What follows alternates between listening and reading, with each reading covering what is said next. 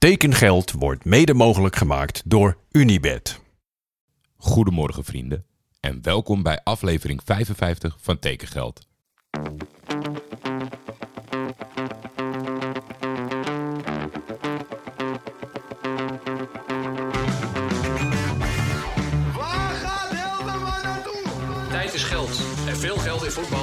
Bijna een garantie voor succes. Hallo Paul, this is Hans Nijland. I would like to invite you here in Groningen. In de zomer gaat Van de Beek naar Gaat Van de Beek gewoon naar Real Madrid. Manchester United hoeft niet meer te bellen. Je niet te bellen. Nee, nee.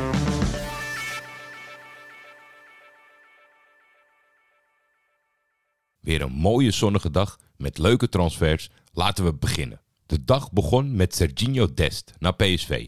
Met dat soort bekende namen ben ik altijd extra benieuwd naar de mening van de expert. Sam Planting, kom er maar in. Lieve Jordi, Feffy, Sam Planting hier. Vanaf de jou welbekende ESPN-burelen neem ik dit op. Jij hebt me naar mijn mening gevraagd over de transfer van Serginho Dest.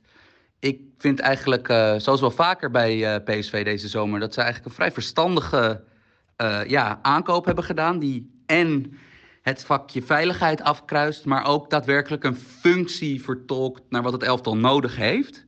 In de speelstijl van Peter Bos is natuurlijk het aanvallend vermogen van backs vrij belangrijk. En eh, nou, nu heb je met Dest een heel interessant profiel van een jonge back die zich op dit niveau, niveau heeft bewezen. Eh, misschien een niveau hoger er niet helemaal aan te pas kwam door sterke concurrentie. Maar die vooral natuurlijk als uniek, als USP, als uniek selling point heeft, dat hij natuurlijk als, eh, op beide flanken nagenoeg even goed kan presteren.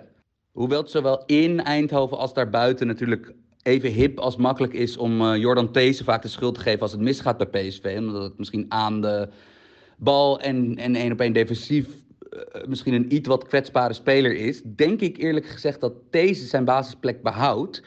En dat Van Aanholt, wanneer hij terugkomt van zijn blessure, moet vrezen voor de concurrentie van Dest. Dat ik Dest in dit PSV eerder een linksback dan een rechtsback vind, heeft meer te maken met eh, de bezetting op de aanvallende flanken dan de defensieve flanken. Dat zit namelijk zo. Ik denk persoonlijk dat rechtsbuiten eh, Johan Bakayoko een goed koppeltje vormt met deze. Of met een andere conservatief ingestelde rechtsback. Nou ja, dat is dus niet Dest. Want ik denk dat Bakayoko in de, in de ogen van Bos een speler is die hij in de wijde zone wil houden. Waar het spel simpel voor hem wordt gehouden en er zoveel mogelijk één op eens voor hem bestaan. En dat dan op de andere flank juist de dynamiek is van een linksbuiten die aan de zogeheten binnenkant speelt. Dus die vaker ja, als een soort extra nummer 10 naar binnen komt. Met de linksback die daar dan helemaal overheen dendert. We hebben dat tot nu toe al bij PSV hebben we dat, hebben we dat proces vaak zien werken. Dat Noah Lang dus naar zijn sterkere rechtervoet komt. En misschien in de drukte eh, ja, dat hij dat hij goed gaat meevoetballen. Dat Van Aanholt daar dan overheen komt. Maar het is tot nu toe wel bij het eindproduct van Van Aanholt sterk de vraag of dit is wat PSV wil ambiëren. Want ja, hij komt veel vrij op de einde linkerbuitenbaan. Maar tot nu toe is dat wel. Het eindproduct daarvan is niet wat je helemaal hoopt bij een topteam. En dit klinkt wel als een rol die een aanvallend ingestelde back als Dest, die natuurlijk de snelheid en dribbelvaardigheid van een, nou, van een buitenspeler heeft. Het zou natuurlijk best goed kunnen dat Lang en Dest, ex-Ajaxiden, dat die een uitstekend koppeltje op links kunnen gaan vormen. Eh, nou ja, dat is het eigenlijk wel, jongen. Ik, eh, ik wens je verder succes met je schitterende podcast. En voor de liefhebber van dit soort voetbalnerderige dingen kan je me vinden elke dag op de website van ESPN of achter het veilige, doch heerlijke betaalmuurtje van VI Pro. Dankjewel Sam. PSV'ers, één ding. Ik had jullie gewaarschuwd over Van Aanholt. De volgende transfer was die van Luc Brouwers. Afgelopen weekend nog een wedstrijd in de eredivisie. Van Utrecht naar Heerenveen. Jean-Paul Risson mag de vlag uit in Friesland. Beste Jordi, beste luisteraars van Tekengeld. Ehm, Luc Brouwers gaat van Utrecht naar SC Heerenveen. Ehm, een transfer die denk ik al even in de pijplijn zat. En vandaag dan eindelijk bekend is gemaakt. Ik denk eigenlijk dat ze er al een paar dagen uit waren. Maar dat gezien de wedstrijd Utrecht-Heerenveen ja, niet helemaal optimaal was om hem eh, daar, daar al mee te laten doen. Ehm, ik denk dat we in ieder geval wel in kunnen vullen voor wie Brouwers gisteren gejuicht heeft. Ehm, het is bij Utrecht helaas nooit echt geworden wat iedereen ervan hoopte. Ja, in wat per definitie denk ik een beetje een verloren seizoen was voor Utrecht in alle opzichten. En onder Henk Vrezen was hij nog wel een vaste waarde, maar eh, onder Silberbouwer moest hij het echt met invalbeurten doen. Ehm, deels omdat hij zelf niet echt kon imponeren, Maar ook omdat Jan Bosdohan een geweldige ontwikkeling doormaakte en op die positie ja, toch ook gewoon een stuk meer voetbal bracht. En nu Bosdohan definitief is vastgelegd, Toornstra er nog altijd is, uh, Zidane Iqbal erbij is gekomen en Ivar Jenner Doornstroom vanuit Jong, uh, was het wel duidelijk. De rol van Brouwers uh, die is uitgespeeld. Het heeft bij Utrecht nooit echt gewerkt en dan is denk ik SC Heerenveen een meer dan een mooie uitweg. zeker in de wetenschap dat oud-trainer Kees van Wonderen daar zit. Toch de man onder wie hij bij Go Ahead ja, zijn beste voetbal speelde. Dus laten we hopen dat hij in het noorden meer impact kan maken dan in de Galgenwaard. Nu we net toch Jean-Paul gehoord hebben, moet ik nog even iets goed maken. Twee mailbacks geleden stuurde hij een mooie vraag, maar die was per app en niet op Twitter, dus die is ergens verdwaald geraakt. Komt-ie. Hey Jordi, het zal je niet zijn ontgaan, maar je ziet tegenwoordig steeds meer kinderen in shirts van Al Nasser met Cristiano Ronaldo op hun rug over straat gaan. Dat valt dan toch op. Ik, maar eigenlijk al je luisteraars zijn op de hoogte van de imposante shirtjescollectie van je zoon Fik. Nu is mijn vraag aan jou als vader: zijn er grenzen? Zijn er shirts die een absolute no-go zijn en waar je als vader voor gaat liggen? PS, Fenerbahce telt niet mee, die konden we zelf ook wel invullen. Groetjes Jean-Paul. Mijn eerste reactie op dit bericht was Jean-Paul een foto terugsturen van mijn zoon in een shirtje van Cristiano Ronaldo. Moet bijgezegd worden, het was alleen voor de foto dat ik deze heb gekocht. We waren in Turkije. Wij doen, kan ik zeggen, maar dat leg ik hem natuurlijk een beetje op, niet aan nep-shirts. Maar voor de fun of it, eh, toch een beetje met de knipoog naar de Messi-hoek. Dacht ik, nou, vind ik wel leuk om hem een paar keer op de foto te zetten in dat shirtje. Volgens mij heeft hij hem meteen de eerste, de beste barbecue in Turkije verpest ook meteen.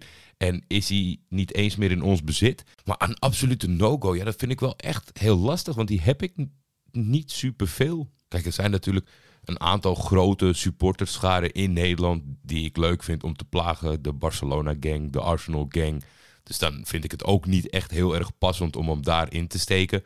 Ga je toch een beetje daaraan denken. Maar daarbuiten, ja, doordat je Fenerbahce buiten spel zet, dat is voor mij een absolute no-go. Ook niet als grapje, ook niet een vriend die dat koopt en dat zegt haha, hihi. Dat, dat, eh, nee, dat, dat moet gewoon dat gaat gewoon niet gebeuren. Ook niet voor de grap, ook niet voor een knipoog. Maar voor de rest moet ik heel eerlijk bekennen, zijn er geen no-go's wat dat betreft. In de voetballerij word je natuurlijk ook altijd ingehaald door de realiteit. Ik weet nog dat ik met Peter en Jean-Paul naar Lille ging. Ik vond Benzia een vette speler. Shirtje gekocht, Benzia achterop.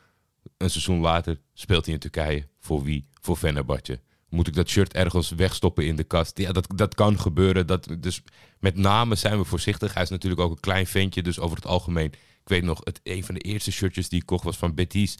En die naam achterop met dat nummer, dat was gewoon een nummer van een broekje van een volwassene. Paste helemaal niet, dus daar ben ik een beetje van afgestapt. Dus eigenlijk een, een, ja, eigenlijk een heel saai antwoord. Maar er zijn op dit moment geen absolute no-go's. En op het moment dat je de namen aan toe gaat voegen, dan weer wel.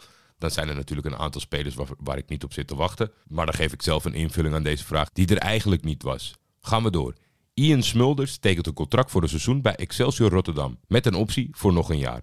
De afgelopen twee seizoenen kwam de 23-jarige linkervleugelverdediger uit voor Sandefjord Voetbal uit Noorwegen. In Nederland speelde Smulders eerder voor Feyenoord, Dordrecht en Willem II. Excelsior is bekend terrein voor Ian en hij is in zekere zin de vervanger voor de naar vertrokken Nathan Tjunawon. En dan alweer de laatste van vandaag. Almere City heeft nog een versterking weten vast te leggen. Of is het wel een versterking? Hi everyone, this is Julian from the podcast La Taverne, podcast dedicated to FC Lorient, club of Kathleen that's you signed uh, on a loan for one year from us. Uh, this player came from Guingamp as a French team last year, last season. Fans from Guingamp told us that it was really too soon for him to leave, and I have to say they were right. Uh, you have a skilled winger, uh, not really powerful, but he can play with the ball. Um, not a powerful strike force, but he shoots from inside the area, curved ball, scored at least two goals like this last year. He scored three goals last, uh, in first league last year with us. Um, it's not really powerful, not very good at defense. Um, he needs to improve a lot. He has obviously some skills, but he needs to improve a lot. So it's not a gem that you have that you have discovered. Absolutely not a gem, but he can be a decent player if he works, he improves um, next season. So I don't think it's a player that would change the face of the team that signed him. But, but he had a one-year experience in first league, one year experience second league. Um, yeah, we hope this loan in uh, in the Netherlands may help him to improve. So yeah, not the sign of the century, the signing of the century, but a decent player. Um, his assist skills are correct, let's say, are okay. Um, so yeah, good luck with him. Cheers. Merci, Julien. Ik ben benieuwd, Almere. Ik ben niet helemaal overtuigd geraakt, maar ik ben wel blij dat jullie nu goed geïnformeerd zijn over welke speler jullie hebben binnengehaald. Dan even wat anders. De echte tekengeld diehards kennen VV Unicum nog wel van vorig seizoen. Een laag geclasseerde ploeg in het amateurvoetbal die ineens met profnamen aankwam zetten. En ook deze zomer hebben ze niet stilgezeten in Lelystad. Ik vroeg aan voorzitter Chris Piquet om het verhaal eens te vertellen over de club en kreeg het volgende bericht. Goedemorgen Jordi. VV Unicum hebben we grote plannen mee. Het Lelystadse voetbal speelt veel te laag voor een hoofdstad als Lelystad. Tevens staat VV Unicum bekend om zijn topjeugdopleiding onder leiding van Peter van der Horst, een oud-prof. Die heeft nog steeds de visie van Wiel Curver. Wie kent hem niet? Veel jeugdelftallen spelen divisie en dan komen we gelijk bij de kern. Wij geloven in onze eigen jeugd die eraan komt en we hebben tevens ambitie om drie keer te promoveren in de aankomende vijf jaar. De eerste goede lichting die eraan komt is de 18-1. Daarvan is vorig jaar al Koen Holwerda doorgebroken en Jason Lens. Met een Z, niet te verwarren met Jermaine Lens. Aangezien we geen tijd willen verliezen, zoekt VV Unicum naar buitenkansen om een top elftal neer te zetten. Met mijn zakelijke inzicht weet ik die tot nu toe wel te vinden. Zo is in de winterstop Kenny Thijssen al gekomen en hebben we nu Aria Hashemi, Ricardo Fransberg, Jake Wolgarten, Miguel Ramdas, Derin Weidebos, Gian Kamboer en ja ja, Hans Mulder. Zelf graag Hansito genoemd als speler die zich erg Spaans voelt, maar dat is even tussendoor mijn eigen aanvulling, gehaald. We proberen elk jaar één of twee jeugdspelers door te laten breken, zodat we straks uitkomen op een 60% zeker eigen jeugd en 40% topvoetballers die niet van VV Unicum zijn. We zijn dus nog aan het bouwen. Heel belangrijk is ook de nieuwe trainer Pieter Mulders, ex-OFC. We hadden vorig jaar op papier ook een topselectie, alleen iets te veel individuele klassenspelers en te weinig karaktervoetballers en teamspelers. Daar hebben we dit jaar heel goed naar gekeken. We zijn druk de gehele club naar een hoger plan te tillen en doen dat onder andere door zoveel mogelijk sponsoren te vinden. Dit heb je al gezien en het zijn er echt heel veel die allemaal in de opstanding van VV Unicum geloven. We investeren veel in onze jeugd en we gaan nu ook met de accommodatie aan de slag. Voor de echte puristen die luisteren, ga eens een potje kijken in Lelystad. En bedankt voor je tijd Chris, heel veel succes dit seizoen. Het gebeurt niet vaak, maar ik zat net voor thuiskomst in de bus. In die bus las ik een tweet van Thomas Hogeling. Hij citeerde een bericht van de NOS waarin stond vermeld dat de aanklager KNVB een onderzoek is gestart naar het obscene juichgebaar afgelopen weekend van Michiel Kramer. Hij vond het bespottelijk en heeft zelfs een wens dat er meer en obscener gejuicht moet worden in onze eredivisie. Geluk, of niet, want Thomas is natuurlijk wel voor NEC, stond hij mij en de bus op te wachten. Ja, ik heb me best wel geërgerd aan de kritiek en de, de stichtelijke woorden over het juichen van Michiel Kramer. Die dan een obscene gebaar heeft gemaakt naar uh, de AZ-supporters. En dat mag niet, want het is een voorbeeld voor de jeugd. En het is actie-reactie. En dan gaat het publiek zich ook misdragen. Ja, dat is nou eenmaal voetbal. Misschien hebben die AZ-supporters iets geroepen. En dan doet hij zoiets terug. En dat, dat is waar, waarvoor je voetbal kijkt, waarvoor je naar het stadion gaat. We moeten er ook allemaal niet te heilig over doen. Ik hoop dat hij de volgende keer gewoon uh, gewoon helemaal zijn broek uittrekt en gewoon daad bij het woord voegt. En gewoon de, wat, wat hij nu gebaarde, dat hij dat nu gewoon helemaal uitvoert. Uh, ik moet ook nog altijd denken aan Cyril Dessers, die toen uh, in het PSV-stadion bij de cornervlag zo optilde en zo zichzelf liet overladen met bier van de PSV-supporters. Vond ik een prachtig beeld. we moeten ons komend seizoen echt wat minder gaan aanstellen. Voorbeeld voor de jeugd, kom nou toch. The kids are fine.